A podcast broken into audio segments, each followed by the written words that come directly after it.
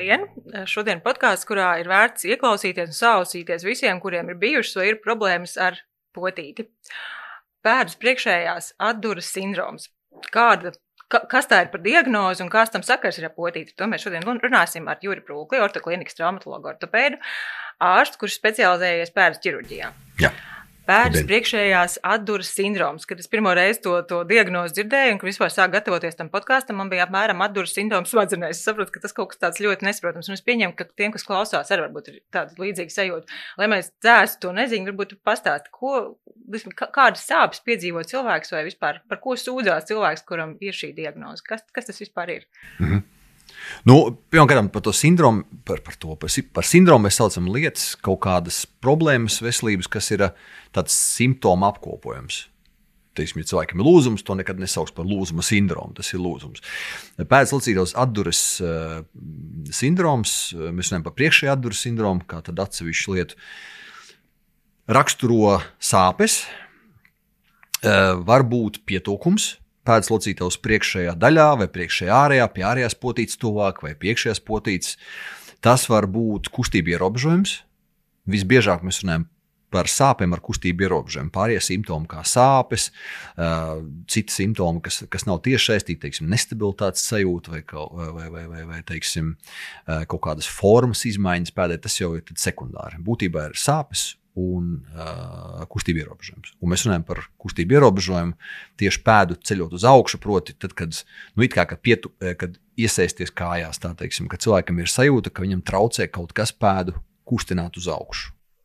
Tas ir kaut kas, kas lēnām attīstās, vai tas ir vienkārši vienā dienā pamodies ar šādu, šādu buķetu sajūtu? Jā, nē, tas visbiežāk tas ir. Uh, procesi attīstās, bieži vien nemanot. Un varbūt viens, viens brīdis, kad šīs sūdzības manifestējās. Proti, um, tās to manifestāciju, sūdzību sākšanos var izprovocēt vai kāda pārslodze, vai kaut kāda neliela trauma, un tad bieži vien saistīta ar traumu, bet īstenībā tas process jau notiek jau pirms tam. Atdure, jeb, jeb angļuiski tādu vārdu impingement izlieto, īstenībā vārdu impingement uh, raksturo precīzāk atdures sindromu. Jo, ja mēs runājam par atduri, latviešu valodā vairāk saprot tādu, ka kauls pret kaulu kaut kur atdurās. Nu, tā. Kamēr impingement nozīmē arī tādu ieklemmēšanos, jeb ies, ieķeršanos, mm -hmm. kaut kas tāds. Un, teiksim, impingement, jeb eh, priekšējā atdure, var būt gan mīkstu audu, proti, ir kaut kādi vai nu norautas saites daļas, kaut kādas vecas traumas rezultātā, vai gļotādas kaut kādas daļas, uh, kas mehāniski ieķīlējās starp kaulu virsmām un izraisa sāpes. Un varbūt kaulu atdure, kad tam visam klāt vēl arī ir uh, tādi kaulu izaugumi veidojās. Viņus dažādi sauc angļu literatūrā, viņi sauc par bone spur, raksta spur kā pieši. To citās literatūrā sauc par eksofītiem. Eksofīti, kad aug uz āru. Un, ja, piemēram, tas ir mulsinoši, bieži vien rengena vai magnētiskās rezonanses slēdzienos, raksta pēclocījos osteoartrīts, jeb artroze, kas nebie, nevienmēr ir atbilst patiesībai. Jā. Un tad apraksta saucamos osteofītus. Bet, ja mēs runājam par tādu klasisku atduri, tad tā nav saistīta ar artrozi locītavā. Tas tomēr Proti, osteofīti attīstās pie artrozes, kad locītava nodilst, kad nodilst skrīmslis. Kamēr klasiski pēclocījos priekšējo arī muguri atduri eh, runā, tad, kad ir eh, ne eh, nolietošanās dabas Bet, protams, arī pie tādas izteiktākas artrozes, kad attīstās tā saucamie osteofīti, mm -hmm. jeb kaulu tādu uzaugumu, kas ir saistīta ar locītos nodilšanu, arī tas, protams, var izraisīt atduri. Bet to tādā paplašinātā jēdzienā saprot kā atduri. Klasiska atdure nav artrozes dabas. Jā, tāpēc 18 gadīgam cilvēkam, kuram ir priekšējā atdure, viņš rengens lēdienā saņem osteoartrīts, viņš atnāk pie ārsta, saķers galvu, viņam liekas, 18 gados locīta un nodilus. Bet Jā. tā nav, jo tie ir citi veidi kaulu izaugumi. Bet tos, protams, rengenā tā nevar nodif, no, tik labi nodiferencēt, kā, kā teiksim, dzīvē tas būtu iespējams, artroskopiski, piemēram.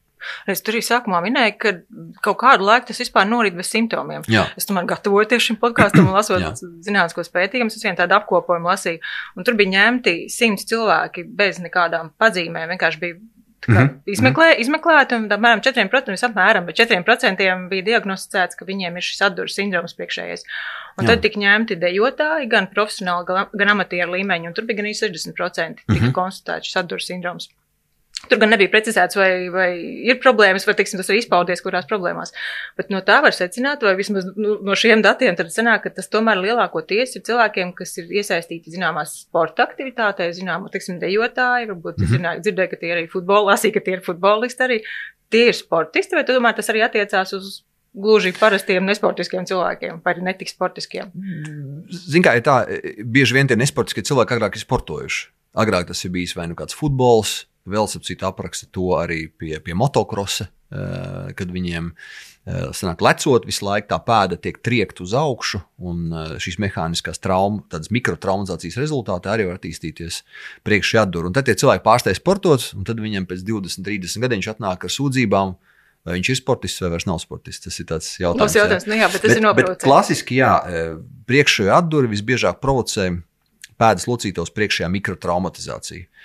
Agrāk uzskatīja, ka uh, tā veidojas galvenokārt ar pēdēju strauji ejot uz leju, virzoties. Proti, teiksim, kad futbolā cilvēks spēra bumbu, pa bumbu, un viņam priekšējā kapsula paraujās. Ja?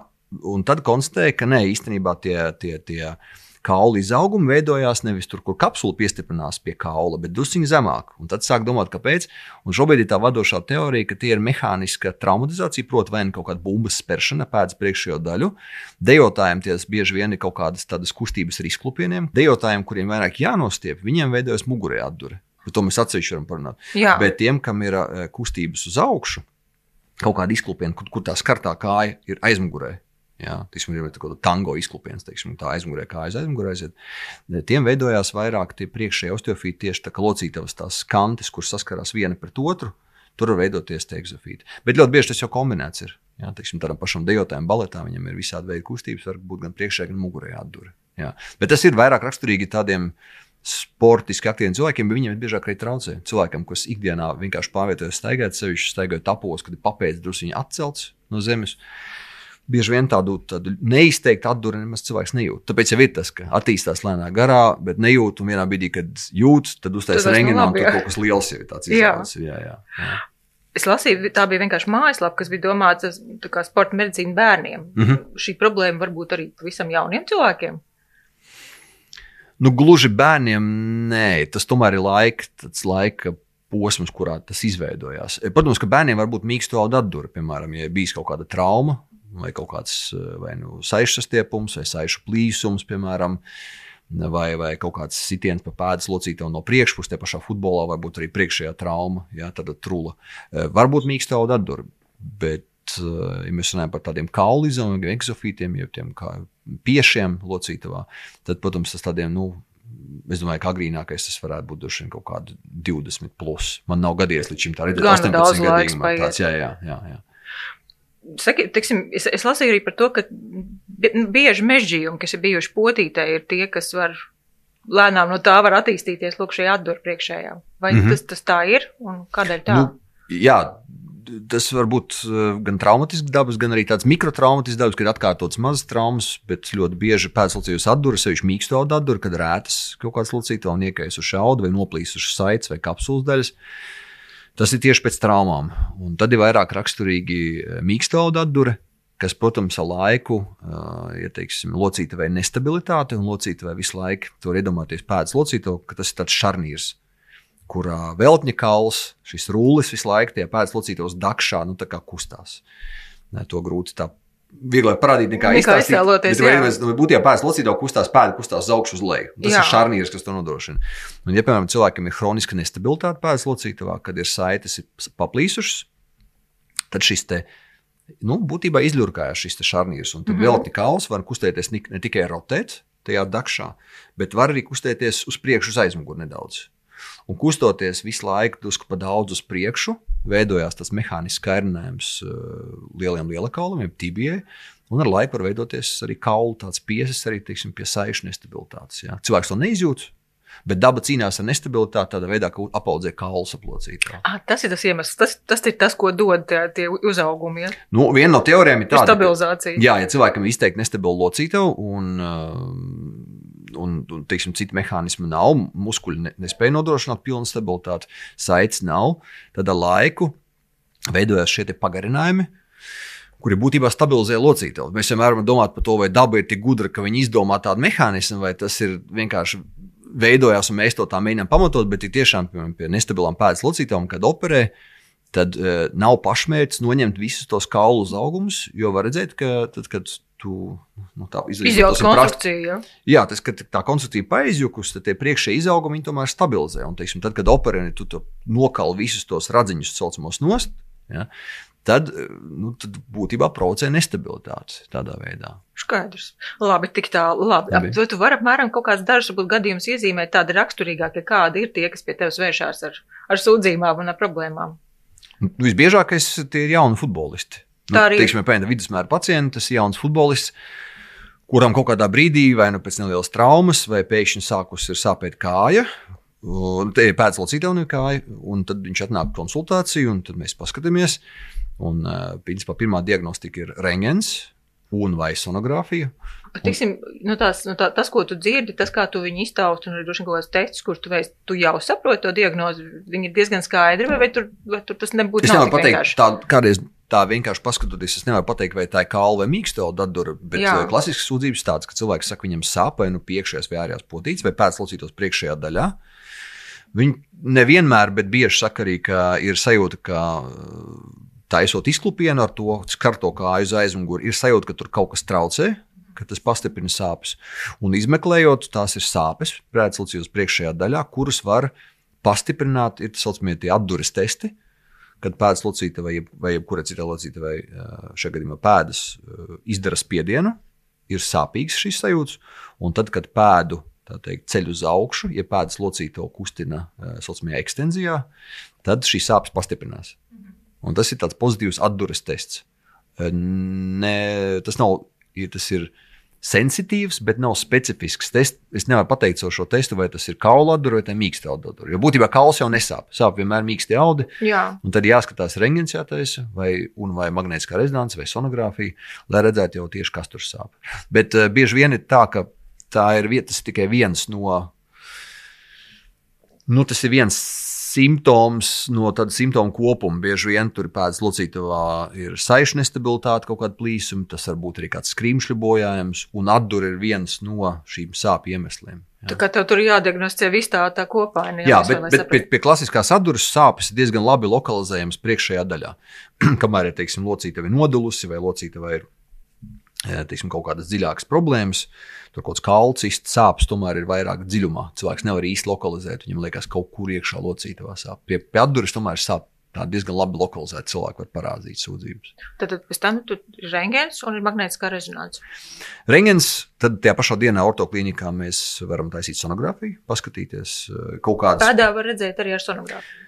Pēdas locītavā un pēdā ļoti daudz līdz redzēt sonogrāfiski. Mēs varam redzēt, būtībā, nu, kā ultraskaņas viļņi, aiziet līdz kādai virsmai, jo tā virsma ir cieta, kals, tad tie viļņi nāk apakaļ, tālāk dziļumā neiet. Attiecīgi, mēs nevaram ieraudzīt, vai tur ir kāds liels skrimšļu bojājums dziļumā kaut kur, vai kaulam ir tūska, bet mēs varam labi redzēt uh, saucamos eksofītus, jeb tos kaulu piešus, mēs varam redzēt kaut kādas rētaudus, iekaisumu varam redzēt locītavā. Tā kā, kā tāda ekspresa diagnostika tā ir ļoti laba. Jā. Un tad jau tālāk skatās padziļināti magnētisko rezonanci ļoti ekstrēmos gadījumos, ja ļoti izteikti eksofīti, tad ir pat kādreiz ieteicams taisīt datortomogrāfiju, kas parāda ļoti labi kaulus tieši. Par to ārstēšanu tu teici no sākuma, ka tā ir konservatīva. Liekas, nu, ko tu, tu nu, ja jau tur Nā. viņi ir, nu, tu jau, ja tu konservatīvi, ko tu ar viņiem var izdarīt ar šiem izaugumiem, kur traucē? Mesties uzreiz operēt nevajag, jo bieži vien tās sūdzības ir tādas, viņas parādās un pēc tam arī pazūd. Ja? Ir bijis kaut kāda pārslodze, tur ir kaut kāds iekaisums izveidojas lokāli. Tā kā neko tur tā uzreiz nevajag darīt ķirurģiski. Var mainīt sporta režīmu, drusku ievērot atslodzi, var padzert pretiekaisuma medikamentus, kādas fizikālās procedūras, var aiziet vingrot, ja pēclocītos sevišķi nestabili, var arī kādas stabilizējušas vingrinājumus taisīt un skatīties. Un tad, ja tās sūdzības saglabājas, var taisīt arī kādu šprici. Ko tas dod? Ko tās injekcijas dod? Mazina simptomus, mazina iekaisumu. Un tad kādreiz ar vienu špici pietiek, kādreiz jāatkārto. Ja redz, ka tā problēma visu laiku atkārtojas, neskatoties to konservatīvu ārstēšanu, tad, tad ir ķirurģiskā ārstēšana. Un ko dara tur? Nu, es apmēram stādos priekšā, noņem šos uzaugumus. Jā, būtībā taisa artoskopija, skatās ar kameru iekšā, diagnosticē, kas ir skrīmsli, kas ir stabilitātes saitēm, un tad paņem, uh, izoperē, jeb uh, rezecē tas vārds ir, ja, kad ar tādu kaulu, tādu frēzi, ar mīkstaudu frēzi sākumā noņem mīksto saules, kas izraisa šos šīs sāpes un iekaisumu, un nepieciešamības gadījumā, jā, arī frēzē vai ar kaltu kaļu tos, tos, tos izaugumus nost. Principā, ja reiz tā tendence ir, tad tas nozīmē, ka pēc kaut kādiem gadiem tas viss atkal atkārtosies, vai ja nav to traucējošo faktoru, tad nekas tur vairs ne, nevar atkārtoties. Nu, gan, gan, ja ir, ja tas ir bijis kaut kāds vienreizējs, eh, teiksim, vienreizējs Nu, teiksim, pirms 20 trauma. gadiem. Ja, piemēram, jā, cilvēks beidz futbolu, viņam jā. vairāk tas, tas kairinājums vairs nav. Kairinājums nav, jā, tieši tā, tad punkts neatkārtosies. Jā, tas saistīts, piemēram, ar kaut kādu sporta turpināšanu, vai tas saistīts ar nestabilitāti pēclocītē, protams, ka tā problēma var recidivēt. Tur ir paiet kaut kāds laiks, un atkal nonāk līdz tam pašam. Nu, teorētiski tā var būt. Jā, man, man jāsaka, tā esmu pārāk jauns, lai pateiktu, ka man ir manā pieredzē 30 gadiem. gadu laikā. Man ir bijuši 10 pacienti, kas atgriezušies. Tā gluži nav. Parasti ir tā, ka nu, tas, tas ir ļoti lēns process. Tāds, jā, jā attiecīgi, parasti cilvēkam vismaz tāda profesionāla karjera jau nav tik ilga, lai dzīves laikā, vienas karjeras laikā futbolistam vairākas reizes. Protams, ja cilvēkam ir piemēram, locītavas nodilšana, artroze, veidojas tas osmie osteofīti, tie, tie kaula radziņi, kas saistīti ar nodilšanu. Protams, tos izolēti kalt nost. Nu, Ir līdz zināmai stadijai saslimšanai, ir jēga, bet tam vairāk nav jēgas, jo zināms, ka šie, šie osteofīti gan attaug atpakaļ. Jā. Viņu uzdevums savukārt, bet tur nevar izskaidrot viņu uzdevumu. Kāpēc, kāpēc viņi to dara? Mm, Ko viņi tur dara? Būtībā tā norisinās jebkuras locītos nodilšana. Visām locītām es ir dažādas teorijas, bet viena no teorijām ir dilstots krimslim, ir slēgts tāds kronisks locītavā kairinājums. Locītava, ap locītavu sāk veidoties osteofīts, Un viens no osteofītu uzdevumiem ir to locītavu stabilizēt. Nu jā, kā jau teicu. Un mhm. ilgā perspektīvā pie visas artrozes, ja viņas netiek ārstētas, beigtos ar stīvu locītavu. Proti, daba šo locītavu sastīvina. Uh, Veidojas sākumā mazi radziņi, kas pēc tam eh, pretējā eh, locītavas pusē arī aug. Viņi pamazām viens ar otru tuvojas, tuvojas, locīto kļūst ar vien stīvāk, līdz vienā brīdī šis savienojums sāk izveidoties un locīto kļūst ar vien stīvāk. Un es domāju, ka tas ir viens no dabas, ja mēs teiksim, dabu tā e, ir tas antropomorfisms, ka mēs piedāvājam dabai kaut kādas tādas apzinātas darbības, tad uh, pie artrozēm osteofīta veidojas manā izpratnē, lai locītavu nostabilizētu līdz pilnai stabilitātei. Protams, doma, lai nekas arī nesāp, bet arī nekas nekustās. Nu jā, nu, ko citu viņi var, var, var izdarīt. Nu jā, jā, jā. Bet, ja mēs vēlreiz atgriežamies pie, pie mūsu tēmas, tad tāds vēl viens jautājums. Tad tas pēcoperācijas periods pēc šīm operācijām, kad tiek ņemti no šie uzaugumi. Tas ir, kā tas ir, cik ar kur jāreic? Liekas, it kā sīkums, Bet es ieteiktu ievērot režīmu, un tad divas nedēļas ir kruķi ar daļēju slodzi, nu līdz divām nedēļām, lai sadzīst artroskopijas portāli saucamie tie mazie caurumiņi. Un pēc tam vienam tās ir divas nedēļas, kad nomierinās lokāli, bet parasti tas ir kāds mēnesis, pusotrs. Un tad iesaka arī kaut kādu aktīvu sportošanu, kas nav saistīta nu, teiksim, tā sportošana, kas ir tāda riteņbraukšana, tur iešana, peldēšana, vardošana ātrāk sāp, bet tāda sporta veida, kur ir lecieni, virziena maiņas, tādas lielākas slodzes, ka ātrāk pa pusotru mēnesi pat arī neizdosies. Nekad. Jo ir sāpīgi līdz kāju, ja tik ļoti nu, jūtīgs tas reģions. Jā. Kā jebkurā, pēc jebkuras operācijas, arī pie jebkuras ceļotaskopijas, tas priekšējais reģions ir jūtīgs, sāpīgs. Lūdzu, bet tādā noslēgumā, nu, ņemot vērā piemēram, to pašu futbolu, kad, ir jau principā paredzams šī varbūtība, mm -hmm. kaut kas tāds veidosies, ir kaut kāda profilaks pret to, lai, lai tas nenotiktu. Ir kaut no, kas, kā to dabu apmānīt. Nu, spēlēt aizsardzībā bumbu nespērt. Tā, nu, es tā, jo, bet būtībā jau nē, jo kāds apmainī, apmainīs dabu, ja tiek visu laiku tiek kairinājums uh, izraisīts, spēr pa bumbu, ir izklupieni. Tas jau nav tikai bumbu spēršana, tas ir izklupieni, kaut kādas straujas kustības. Ja. Tam tā īsti, teiksim, kaut kā fizioloģiski sagatavot ķermeni, nostiprināt kaut kādus muskuļus, lai tas šis nebūs tas ceļš šoreiz. Ziniet, kā, ja locītājiem stabili nav nekāda saiša plīsuma bijuši, duši, ka speciāli tādam futbolistam viņš jau ļoti koordinēts cilvēks ir. Viņam tur speciāli kaut kā vingrot vēl nē. Bet atgriežoties pie tā, kā tu teici par, par literatūru, tu biji papētījis par tiem 60%, kad redz šos te, tos uh, kaulpiešus. Tiem no 60% sūdzības ir reāli līdz traumpunktam vai līdz ārstam ortopēdam nokļūst tie 4-5%. Tik maz, jā, tas ir, nu, tas ir labi. Ja mēs to salīdzinām, cik jā. daudz cilvēku spēlē futbolu un cik daudz reāli nokļūst līdz operācijai, tad es domāju, statistiski arī pēc sajūtas tie nav, noteikti nav vairāk kā 4-5%. Tāpēc Nu, nu izveidojas, ko tālāk. Ja Skaidrs, sūdzība vienkārši nav, ko jāņem- neārstē. Jāņem, jāņem vērā, ka tajā sporta veidā tā var būt. Jau Jā, nu, tieši tā, to jā, jā, pamanīt. jā. Bet nu, tas, tas ir mazākās problēmas, kas futbolā saistītas. Futbolā statistiski daudz biežāk rojas krustiņas saites, meniskus plēšana un tā tālāk. Tā kā, Mēs par tādu mazo tēmu. Jā, jā, jā, tā ir jā, mūsējā. jā. Šodien par pēdām. mēs mums bija. Nu, ko, nu, liels paldies. Mēs noteikti, kādā citā reizē runāsim par aizmugurēju atduru. jā, Tā ir arī atsevišķa tēma, jā? Jā, tā ir atsevišķa tēma. Jā, Paldies. Ļoti labi. Paldies. Jā. Tev. Labi, Labi, tā. paldies, tā.